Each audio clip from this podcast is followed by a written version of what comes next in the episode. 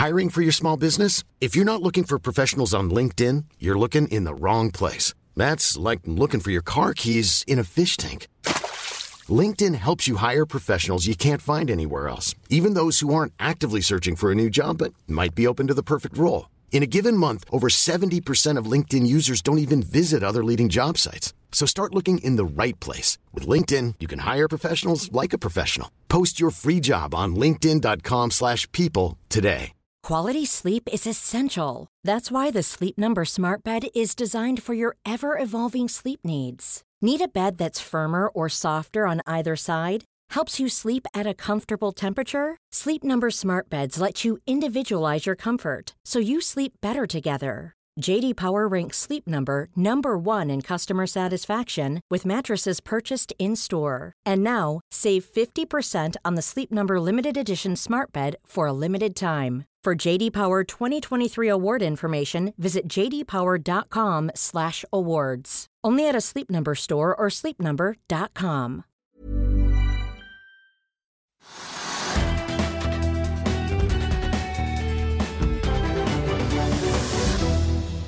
Velkommen til Økonominyhetene i dag, onsdag. I dag har vi snakket med sjeføkonom i Eika, Jan Ludvig Andreassen, om hvordan de makroøkonomiske utsiktene ser ut for 2021. Vi skal også innom Europa, Asia og USA og få teknisk analyse. Men først til Oslo Børs, Trygve. Det er ikke noe spesielt spennende børsdag, men vi har litt oppgang i dag. Ja, det er egentlig en ganske kjedelig dag, da. For det er ingen store drivere i markedet. Det er ingenting som skjer på oljefronten. Bortsett fra at oljeprisen har vært nesten oppe i 51 dollar på fat. Nesten, og så falt litt tilbake igjen. Og Oslo Børs er svakt opp, en uh, halv prosent opp. Det er alt. Og det kunne jo vært litt mer spennende, for vi, nevnte jo her at uh, det som skjer i Oslo, er litt avhengig av hva som skjer i USA. I forbindelse med vaksine og alt det som snakkes om det, og de positive signalene som gis.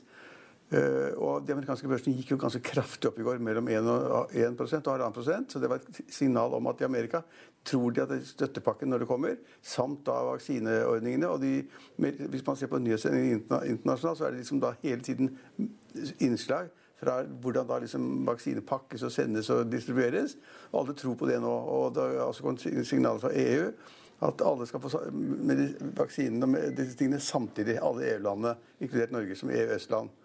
Eh, så det er veldig mange som da, da liksom tenker veldig på at dette kommer til å bli bedre. Det er liksom det som er lagt an, kanskje blir løst opp i april, mai, juni osv. Og, og det at man sender ut vaksine nå, det vil bety masse, selvfølgelig. Og det, det har da betydning for selskapene, økonomisk aktivitet, hva de kommer til å tjene penger osv. Så, videre, så det var litt spenning før dagens på Oslo, oppgang på Oslo Børs, men den ble ganske liten. Ja, og Vi ser at de amerikanske børsene åpner svakt opp i dag. Det er ingen store utslag. Opp 0,03 opp til 0,2 ja, oppgang hittil. Det, men det er ikke så rart etter at oppgangen i går, for da må man vente noe nytt. Og, og, og, Det bør også nevnes da at Oslo Børs er jo da grovt sett 1% fra all time high. Så vi har liksom kjempeoppgang fra da nedturen i midten av mars, etter liksom første bølgen kom av koronaviruset. Og så har man liksom da krabbet og krabbet og krabbet oppover. Og nå er man 1% fra fra all time high. Altså I dag står hovedindeksen i 9,4 et eller annet. Ja, Vi kan jo se, ta en liten titt der. Den skjult seg bak en fane, men ja, vi har i hvert fall 940 et eller annet. Ja, den er. Og den skal opp i 949, så er vi på all time high. Så det er rundt 1% Ja. Vi hadde jo oljeprisen, brentoljen, eh, nærmet seg opp mot Nå er vi på 940,8. Så ja. det var sikkert ikke så langt unna det du sa. Men vi hadde jo Brenton som nærmet seg 51 dollar for Brenten tidligere i dag. Nå er vi nede på 50,5 dollar igjen. ja, igjen. Små, det og det er der vi Nei, men tik, tikker den over 51, så er vi jo Det kunne vært noe vi kaller et teknisk signal, eller de har laget noen kurver som viser at da skal de kjøpe, eller hva som helst, det vet jeg ikke. Men det er ingen nye altså, informasjoner i oljesektoren som tilsier at oljeprisen skal opp eller ned. Den ligger der og driver frem og tilbake. Så, men det er som du sier, altså, det, er, det er ganske uspennende på Oslo Børs, men det er én ting som er ganske spennende, og det er da det som skjer rundt Entra. Altså der, der, der, var det da liksom to, først to og så tre svenske selskaper, eiendomsselskaper som da var, på, var, i markedet for å kjøpe opp Entra, som er et eh, eiendomsselskap. I sin tid eid hele staten. Og så solgte staten seg ut, og så beholdt staten 8% og de 8% ble kjøpt av et svensk, svensk selskap for, for, for, et par uker siden. Ja. Og så var det da en annen svensk aktør, EBB. Nei, SBB. SBB, ja som da eh, fant ut at de ville også egentlig være med til å begynne med, men så ble de fornærmet. og eh, De syntes ikke at de fikk nok informasjon fra, fra ledelsen eller fra styret i, i Entra. Så reiste de tilbake til Sverige og var kjempefornøyde og sa masse dumme ting. Og nå har de meldt seg på banen igjen, og da kursen som da SBB i sin tid da bød for aksjene, eller ville by, hvis de, skulle, hvis de skulle komme der, det var da 165 kroner per aksje, hvorav da mesteparten skulle være der kontanter, men en liten del, 40-50 kroner, skulle være da i oppgjør i aksjer i SSB, SPB. Eh, men så ble de borte når de kommer tilbake. Og det, at, og det, at da, det viser seg nå at det er flere interessenter enn man kanskje trodde. Fordi... Ja, for da har vi SBB som var med, men som trakk seg ut og kanskje er på banen igjen. Så har vi Castellum som har kjøpt eh, statens eh, eierandel. Ja. Og så har vi også Balder. Som også har vært på banen. Ja, som har kjøpt 10% Ja, da, Men poenget er det at dette tyder på det at liksom slaget er ikke over. Det er liksom ingen som har klart å, å på en måte legge kloa på entra eller betalt den riktige summen og fått, fått selgere på banen. Eh, så, og, og kursen klatrer på aksjen? Ja, vent nå litt, for å snakke ferdig. Det som da opprinnelig var to bud, som lå omtrent på 165 kroner, i dag er kursen 182 eller 183. Og Det er ikke stor oppgang i dag, et par prosent, men det er jo klart at den kursoppgangen skyldes da at det er flere, flere mulige budgivere på banen, og da går kursen opp. Ja, Så den stiger rundt 3 akkurat nå, og er dagens nest mest omsatte aksje? Ja. Så det var den ene ting vi Norwegian har jo da vært eh, litt eh, svakt opp fra morgentimene, men nå er den opp nesten 15 ja, ja, men det er, så... er det noen som sitter og handler i aksjene? Også? Nei, tvert imot så er det da kommet melding i går om at en av de store aksjonærene som er blitt aksjonær vi har veksle gjeld til aksjer, de har solgt ut den største delen av sin post. Så det har vært masse selgere i markedet. De store, tunge aksjonærene som da ikke opprinnelig investerte i Norwegian for å være investert i et flyselskap, men de som da på en måte leiet ut fly til Norwegian, og som satt igjen med eh, skjegg i postkassen da, liksom da Norwegian begynte å vakle. slik at da satt de med masse fly som ikke var brukt, og som de egentlig skulle ha masse penger for av Norwegian. Og så fikk de aksjer, og så begynner, etter at de fikk aksjer og denne, en lockdown-periode var over, så fikk de lov å begynne å selge, og det har de gjort også. slik at liksom, Det er masse selgere, og så er det en del tradere, og de har det ganske gøy. Eh, og så er SAS-aksjene også litt oppi der, tror jeg, men eh, ikke så mye som Norwegian. Så det er litt oppgang i flyselskapene. Men det er ikke noe, altså ikke noe faglig økonomisk grunnlag for det. Det er ingen som bør kjøpe Norwegian i dag. Nei, men det er også dagens mest omsatte aksje. Ja, men Det er derfor det er en tradingaksje. Det jeg sier, det er noe annet. Det er, ikke, det, er aksje, det, er, det er, ikke en aksje man bør kjøpe for å tro det at liksom skal det langsiktig eller mellomlangsiktig og tjene penger på den. Det er en ren tradingaksje. I morgen kan det like godt gå ned 15-20 som det er opp 15 i dag. Ja, og så har vi noen aksjer som vi, Kanskje en annen ting vi også bør nevne, som ikke er verken ditt eller mitt fagfelt, men vi har jo bitcoin over 20 000 dollar i dag. Den er, ja, den, det kommenterer jeg aldri. Bitcoin er, er noe spekulativt. Men for de som sitter og trader i bitcoin, så er det selvfølgelig artig å se bitcoin over 20 000 dollar, som på en måte har vært en sånn magisk grense. Da, nå var den faktisk nærmere opp mot 20 300 dollar bare for en times tid siden. Um, ja, For noen år siden så var jo, det er ikke så mange år siden at den var oppe i 20 000 dollar, og så falt den til 5000 eller 3000 eller sånn nå. Bare falt og falt og falt. Og falt. Og så var det mer interesse for det. Og kanskje folk forstår det, jeg skjønner ikke. Og ville vært livredd hvis jeg hadde med pengene mine der. Ja, men det som er helt sikkert er at Blockchain, altså teknologien bak kryptovalutaer, den benyttes jo i stadig økende grad eh, til system eh, og organisering av eh, systemer og datavirksomhet. Ja. Det, det, er ikke kommet noe nytt på det. Det er også blokkjeden. Det har vært kjent også flere. og Vi hadde jo til og med en gjest der som snakket om det. som var norsk ekspert. Ja, mange ja, mange ja. gjester som har snakket om blokkjede. Jeg, gir ikke noen råd eller ikke råd til, til bitcoin. Det gjør jeg ikke. Nei, Vi må i hvert fall nevne det. Nordic Unmanned, som gikk på, gikk på børs i går, altså gikk på Euronext Growth, de hadde jo en voldsom oppgang på sin første børsdag. Det er jo da dette norske droneselskapet fra Sandnes som jeg ikke husker feil. og De har inngått en avtale med Bane NOR på 10 millioner kroner og stiger videre opp i dag. I tillegg så har vi Agelyx, som også er oppe i dag. De har et datterselskap som sammen med Braskrem, som er ledende, altså en ledende produsent av biopolylem... Bioply problemer. jeg klarer ikke å si dette ordet. Men, men, i hvert fall, de skal um, utforske utviklingen av bygging av et prosjekt av avansert resirkulering i Nord-Amerika. Og det også sender aksjene opp. da. Så For de som er mer interessert i Agerlyx, så kan de sikkert lese litt mer inngående om hvorfor dette er en attraktiv avtale for selskapet. Så har vi Softox, som også stiger på børs i dag. Ja, det, det, det, Selskapet følger jeg ikke, det kan jeg ikke si noe om. Bare Nei, de har et produkt som forhåpentligvis kan behandle alle typer luftveisinfeksjoner. Og dette jo, kunne jo ikke passet bedre inn i den tiden vi er i nå, hvor ingen vil ha luftveisinfeksjoner. Gikk aksjekursen opp? Ja, aksjekursen er opp på det. Og, og ledelsen sier at det kan bli et paradigmeskifte i behandlingen av alle typer infeksjoner i luftveiene.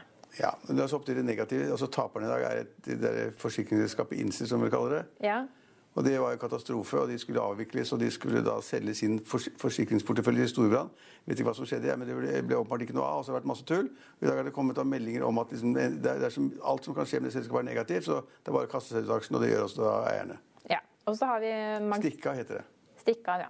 Og Magseis har blitt tildelt en OBN-undersøkelse i Mexicogolfen og er akkurat nå opp rundt 16-17% på den nyheten. Ja, for de, har, de, har vært veldig langt nede. Det har vært veldig dårlig. Og, men, altså, og de er i seismikk. Det er ingen som vil kjøpe seismikk de siste par årene. For selskapene skal jo ikke lete mer, annet enn det de har lett tidligere, hvor de har da funn som gjør at de kan lete eller begynne å bore osv.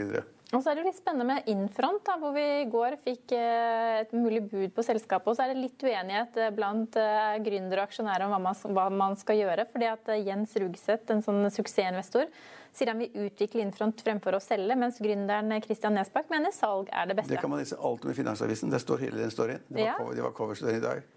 Så, så, spennende tider for flere selskaper. Vi fikk også elektroimportøren på børs i dag på Euronex Growth. Så den der børsbølgen for tidligere Merkur Market, nå Euronex Growth, den har ikke stoppet opp, Trygve? Nei, det ser ut som det kommer stadig nye selskaper. Det er mindre krav til de selskapene.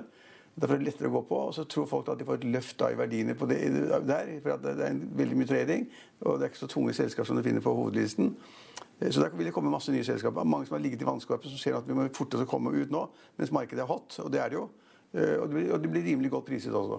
Men Hvis vi ser på disse kjendisinvestorene som faktisk er med på ganske mange av disse nynoteringene, eh, hva er det som gjør at eh, investorene har funnet ut at det er viktig å delta på Nei, men jeg, jeg tror ikke det er funnet ut på egen hånd. Det er bare de som har disse selskapene, som da kanskje har selskaper med omsetning på 50-100 millioner kroner, liten inntjening eller bitte liten inntjening, og som da tenker seg at de vil da på en børs kan skaffe mer kapital og, og få noe av det, så de går jo til, de går til bjellesauene og si at her er et spennende og morsomt uh, prospekt. Kjempemorsomt selskap, det bør være med. Sånn som de går til Spetalen. Og ett av 100 prospekter, tipper jeg, så hopper han på og går inn i det. Og så hopper han kanskje av igjen hvis det ikke er så godt som han hadde håpet på. Kanskje ta gevinst allerede første handledag, hvis man Spitalen. ser aksjen stige 30 Spitalen gjør det. det ja, og Vi har også vært i kontakt med Arne Fredelig siste, som nesten ikke har tid til å snakke med oss, for det skjer så mye i markedet akkurat nå. Ja, Fredelig og Spetalen og en del andre Arne Blystad De blir alltid spurt i alle sånne prosjekter, og ofte så er de sammen der. Torstein, Tvenge, Torstein Tvenge, Øystein Tvenge. Det er en sånn serie sånn, De henger sammen hele tiden. Og De blir spurt først. og Hvis de da liksom tenker at dette er noe, så kan de gå inn i det, og så hopper noen av med en gang, og noen blir sittende. Ja, Så, så til tross for at det var en kjedelig dag, så skjer det fortsatt ting i markedet. This Mother's Day, celebrate the extraordinary women in your life with a heartfelt gift from Blue Nile. Whether it's for your mom, a mother figure, or yourself as a mom, find that perfect piece to express your love and appreciation. Explore Blue Nile's exquisite pearls and mesmerizing gemstones that she's sure to love. Enjoy fast shipping options like guaranteed free shipping and returns. Make this Mother's Day unforgettable with a piece from Blue Nile. Right now, get up to 50% off at BlueNile.com. That's BlueNile.com.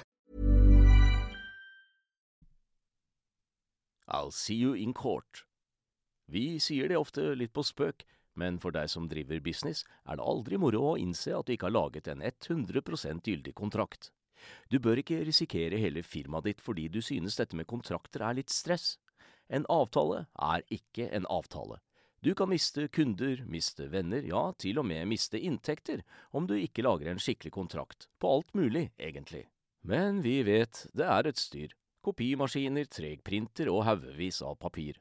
Dessuten stoler vi jo på folk her i landet. Det er ofte litt kleint å skulle be om en signatur for alt mulig, ja, for mye av styret handler også om jakten på underskriften. Det finnes en enkel måte å løse dette på, Dukkobit, en trygg, effektiv og get this, gratis måte å sikre seg en god natts søvn pluss en juridisk bindende avtale. Dukkobit-appen har de strengeste sikkerhetskrav i bunn, samt en EU-godkjent og sertifisert teknologi. Framover vil det bli behagelig å spørre du, skal vi skrive under på det, eller? Kom i gang på dokobit.no. Og Vi er litt spent på hva som skal skje i 2021, med tanke på at vi nå er midt inne i en pandemi som ennå ikke er over. Har snakket med sjeføkonom Jan Ludvig Andreassen i Eika om hva vi kan vente oss rent makroøkonomisk for 2021. Sjeføkonom i Eika, Jan Ludvig Andreassen. Det går mot slutten av 2020, og da er det naturlig å oppsummere og se inn i det nye året. Pandemien, hvilken effekt vil den ha på makroøkonomien inn i 2021? Vel, Det avhenger jo litt av overgangen da, til den eh, eh, normaliseringen. Eh, og det vi ser er at det kan ta litt lengre tid enn vi trodde. Eh, Bl.a. nå å stenger Tyskland ned over eh, jula, og eh, det vil se mange andre europeiske land. Eh, så det tar det tid å få rulle ut disse vaksinene. Men for finansmarkedet tror jeg ikke det er så veldig viktig akkurat hvilke måneder det kommer osv. Det er mer viktig for oss i vårt private liv. Det vi kan først og fremst regne med, er at 2022 så er vi tilbake i en slags sånn normal gjenge, da, hva det enn måtte bli. Hvis vi ser på hvordan 2020 har blitt, da, eh, har det blitt bedre eller verre enn du fryktet ved utbruddet i mars? Vel, altså, Jeg startet ganske tidlig med å påpeke at dette var en svart svane tidlig som i januar. For jeg fulgte med på kinesisk TV. Da, men da undervurderte jeg også hvor ille det kom til å bli. Og så når jeg, vi var i april, så var vi kanskje litt, tok vel litt av og var litt for hysteriske. Og så eh, ble det har det ordnet seg til. Men eh, det har i hovedsak gått seg til ved uh, veldig sterke stimuli Eh, rentekutt og eh, en slags utligning av alle tapene i husholdningssektoren ved at eh, offentlige budsjetter har blitt svekket. Og Det er en strategi som er fulgt i mange land. Så f.eks. i tredje kvartal i år så har husholdningene omtrent den samme inntektsnivået som i første kvartal. Det til tross for at 100 000 mennesker har kastet ut i arbeidsledighet. Men det er jo selvfølgelig fordi de offentlige tro til, og rentene falt dramatisk. Så jeg, jeg vil kalle det sånn force majeure-år, et slags unntaksår. og Det er ingen som skal eh, eh, være så veldig lei seg for at man ikke helt eh, klarte å eh, spå dette. Men hvis vi ser rette blikket her mot, hjem mot Norge, da. Vi har jo klart oss overraskende bra med liksom smitteutbredning. Dødstall ligger liksom eh, best an på alle, alle målinger. Eh, hvordan, hvor, hvordan, har Norge klart seg i år, og hva vil bli annerledes for norsk økonomi til neste år? Vel, altså det, det, som jeg tror er ho hovedgreia, er jo at reiser til og fra utlandet kommer til å fortsatt å være ganske risikabelt og må reguleres strengt. Så nordmenn kan ikke reise til Belgia, Pakistan, Somalia, India osv. som de pleide å gjøre i 2018 og 2019. Eh, fordi den norske befolkningen ikke vil være ferdigvaksinert før eh, julaften. og Selv da så spørs det om vi makroøkonomer får en vaksine. Vi er sist i køen, tenker jeg da. Eh, sånn at Det er det jeg tror er, man kan håpe på at mye blir normalt i løpet av 2021. Men man skal ikke regne med det. Og spøker nok for de som ønsker seg en utenlandsferie til sommeren. F.eks. Jan Andreassen. Eh, jeg skulle gjerne reise til Italia, men eh, det spørs da. fordi jeg skal huske på at selv om vi vaksinerer en stor del av befolkningen, eh, og de Norden gjør det, og Tyskland gjør det, så betyr ikke det at vaksiner er spredt overalt i resten av verden. Og spesielt ikke for kelnere og rengjøringshjelpere og de vi treffer på når vi er ute og reiser og farter verden rundt. Men når vi først er inne på vaksinen, hvor viktig var det at vi nå fikk på plass uh, Foreløpig har vi vel tre vaksinekandidater klare. Hvor viktig var det at vi fikk på plass det som på tampen av 2020 for hva, hvordan eh, økonomi og fremtidsutsikter vil bli inn i 2021? For finansmarkedet var det ganske avgjørende. og Vi så i begynnelsen av fjerde kvartal at det begynte å ta seg ordentlig opp. og November var fantastisk bra. Og det var jo, jeg tror Finansmarkedet er ikke så nøye på når dette kommer, men en visshet om at det kommer, begynte da å manifestere seg hos de fleste investorer og analytikere. Eh, og Grunnen til at det ikke betyr så mye når det kommer, er jo selvfølgelig at renta er null. Eh, så man kan like gjerne kjøpe aksjer litt for tidlig. Eh, og, og, og, det er nok, Hvis vi ser nå, så er det nesten en sånn urovekkende konsensus om at her er det bare å laste opp med aksjer uansett smittenyheter. Fordi det kommer jo før eller siden, og alt blir jo bra igjen. Eh, så, så, eh, men det er en forståelig konsensus, da, for å si det sånn. Og når vi da kommer inn på renten, du er jo ute med en ny bok på Hegnar Medias bokforlag. 'Den store rentebølgen 700 år seilas til negativ lende'. Eh, hva, hva, kan vi lære rent rentemessig av denne boken?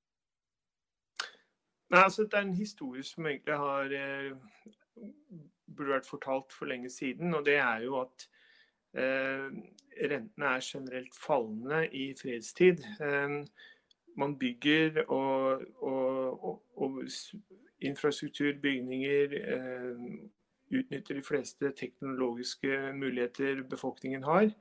Og år om annet så sparer husholdninger eh, opp. Eh, og eh, så det blir en slags sånn pengerikelighet i forhold til antall mulige investeringer.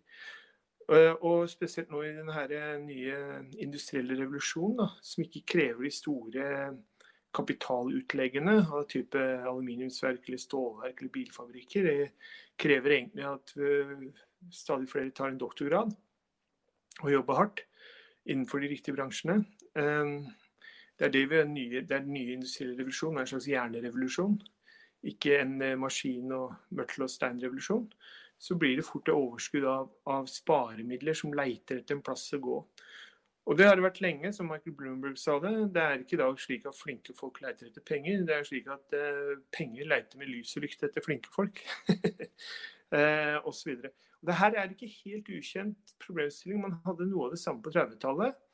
Og det står faktisk et veldig flott skrevet avsnitt om dette her i John Maynard Kanes General Theory. Uh, så, så, det var veldig interessant for meg da, å trekke linjene tilbake til Eh, tidligere forfattere. Og så kunne du trekke tilbake så langt du ville. Men heldigvis da, så kom jeg over et forskningsarbeid fra februar i år fra Bank of England. Som startet da på 1311. Ja. da, da, hadde jeg et bra utgangspunkt å starte der, og så kunne jeg trekke veien opp nå. Men jeg tror særlig den derre eh, bevegelsen etter krigen, hvor vi fikk Fiat-penger, altså pengetrykking uavhengig av noen metallverdier bak, Eh, særlig nå i, som akselererte inn i det nye årtusen med denne inflasjonsmål. hvor Hver gang noe går gærent i økonomien, så trykker vi mer penger og senker rentene. Så har det aksentuert. Og faktisk er covid-19 en slags ikke noe dramatisk endring av disse kurvene. Det er mer en slags sånn turbofart på det. Eh, ser man på de lange linjer fra 1311, så skulle vi treffe på negative realrenter i den vestlige verden på bred basis i 2030. Nå har vi det i dag. Ja, og Hvis vi da ser på dagens bilde, det er eh, Vi har vel ikke negative renter i Norge i hvert fall, men, eh, men nå hører vi at dine kollegaer der ute spår at renten skal opp i 2021 allerede, som følge av at vi har en utrolig sterk boligprisvekst. Hva tenker du om det? Nei, eh, så for det første, det, det kan godt skje. og sentralbanker er, Så det at den 700-årige kurven er fallende, betyr ikke at du alltid er fallende. Noen år så går det opp. Og, men, og det er erfaringen også fra Norge i dette årtusen, at eh, hver gang Norges Bank hever renta, så må de eh, etter hvert kutte den igjen til nye historiske bunner. Og i tråd med det, hvis Norges Bank hever i 21, så eh, må vi kutte til negativt lende eh, en eller annen gang senere. Nei, den boligprisveksten skal man ikke være for bekymra for. Det er i hovedsak et uh, storbyfenomen, og i særlig grad et Oslo-fenomen. Og den skyldes jo ikke egentlig pengepolitikken. Den skyldes at alle politiske partier, eller ingen politiske partier, for å si det på den måten, da, føre en tilstrekkelig heroisk eh, distriktspolitikk til å snu de tunge flyttestrender. Saken er jo den at Oslo er en av eh, Europas raskest voksende hovedsteder. Og så kan du si at det, det, er ikke noe politisk ansvar, men i alle andre land er det det. Ehm, og gitt da at politikerne har valgt en strategi som uansett hva intensjonen er, har den logiske konsekvens at Oslos befolkning eser ut, så i, også uten at det bygges tilstrekkelig mye boliger, så vil boligprisen stige litt uavhengig av renta. Så jeg, jeg tror egentlig at det, eh, det der er eh, litt feil. og og Det er også deler av Norge nå hvor boligprisene har begynt å, å falle. Møre og Romsdal, Agder og Rogaland er ganske svake nå ved utgangen av året. Men er du overrasket over at vi i et år med pandemi eh, får så sterk boligprisvekst i Oslo? Ja, men ikke sjokkert. Så jeg hadde minus i år jeg, på boligprisveksten, så jeg i kunne ikke tatt mer feil om jeg hadde prøvd. Eh, men igjen så har jeg sagt det sånn at det der er litt sånn gjetting. Og, og, jeg har sagt det også på jeg skrev det i nasjonalbudsjettet i fjor, at med det pussige skattesystemet vi har, hvor den eneste aktiviteten i Norge som ikke skattlegges på, det er fortjeneste boligspekulasjon. Alle andre typer fortjenester, inklusive bitcoin, blir du skattlagt av. Så, så, er det naturlig at hvis det skulle oppstå en situasjon, da, og det skrev jeg i oktober i fjor, eh, at renta går i null og folk leiter etter investeringsmuligheter, så kan vi begynne å gamble i, norske, i deler av det norske boligmarkedet. Eh, og det er vel litt det vi ser nå. Det er, fordi eh, det er ikke noe leieprisvekst i Oslo. Det er ikke sånn at det er mer noe inntektspotensial av det å drive og kjøpe og selge leiligheter av, av bruken av dem. Men det er inntekter av at du kan kjøpe i dag og så selge til en eller annen til en høyere pris i morgen.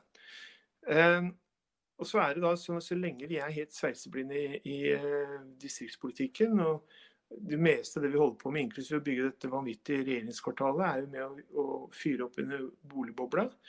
Uh, det, så, så, så, vil Oslo være et yndet sted for spekulasjon. Men legg merke til, altså nå har vi virkelig passert Manhattan og London sentrum og sånne type steder. Så vi har vel egentlig bare eh, type island i Hongkong som er over oss nå. Eh, så det er veldig det blir veldig friske priser. Sendingen vår er tilbake i morgen. Følg med oss igjen da.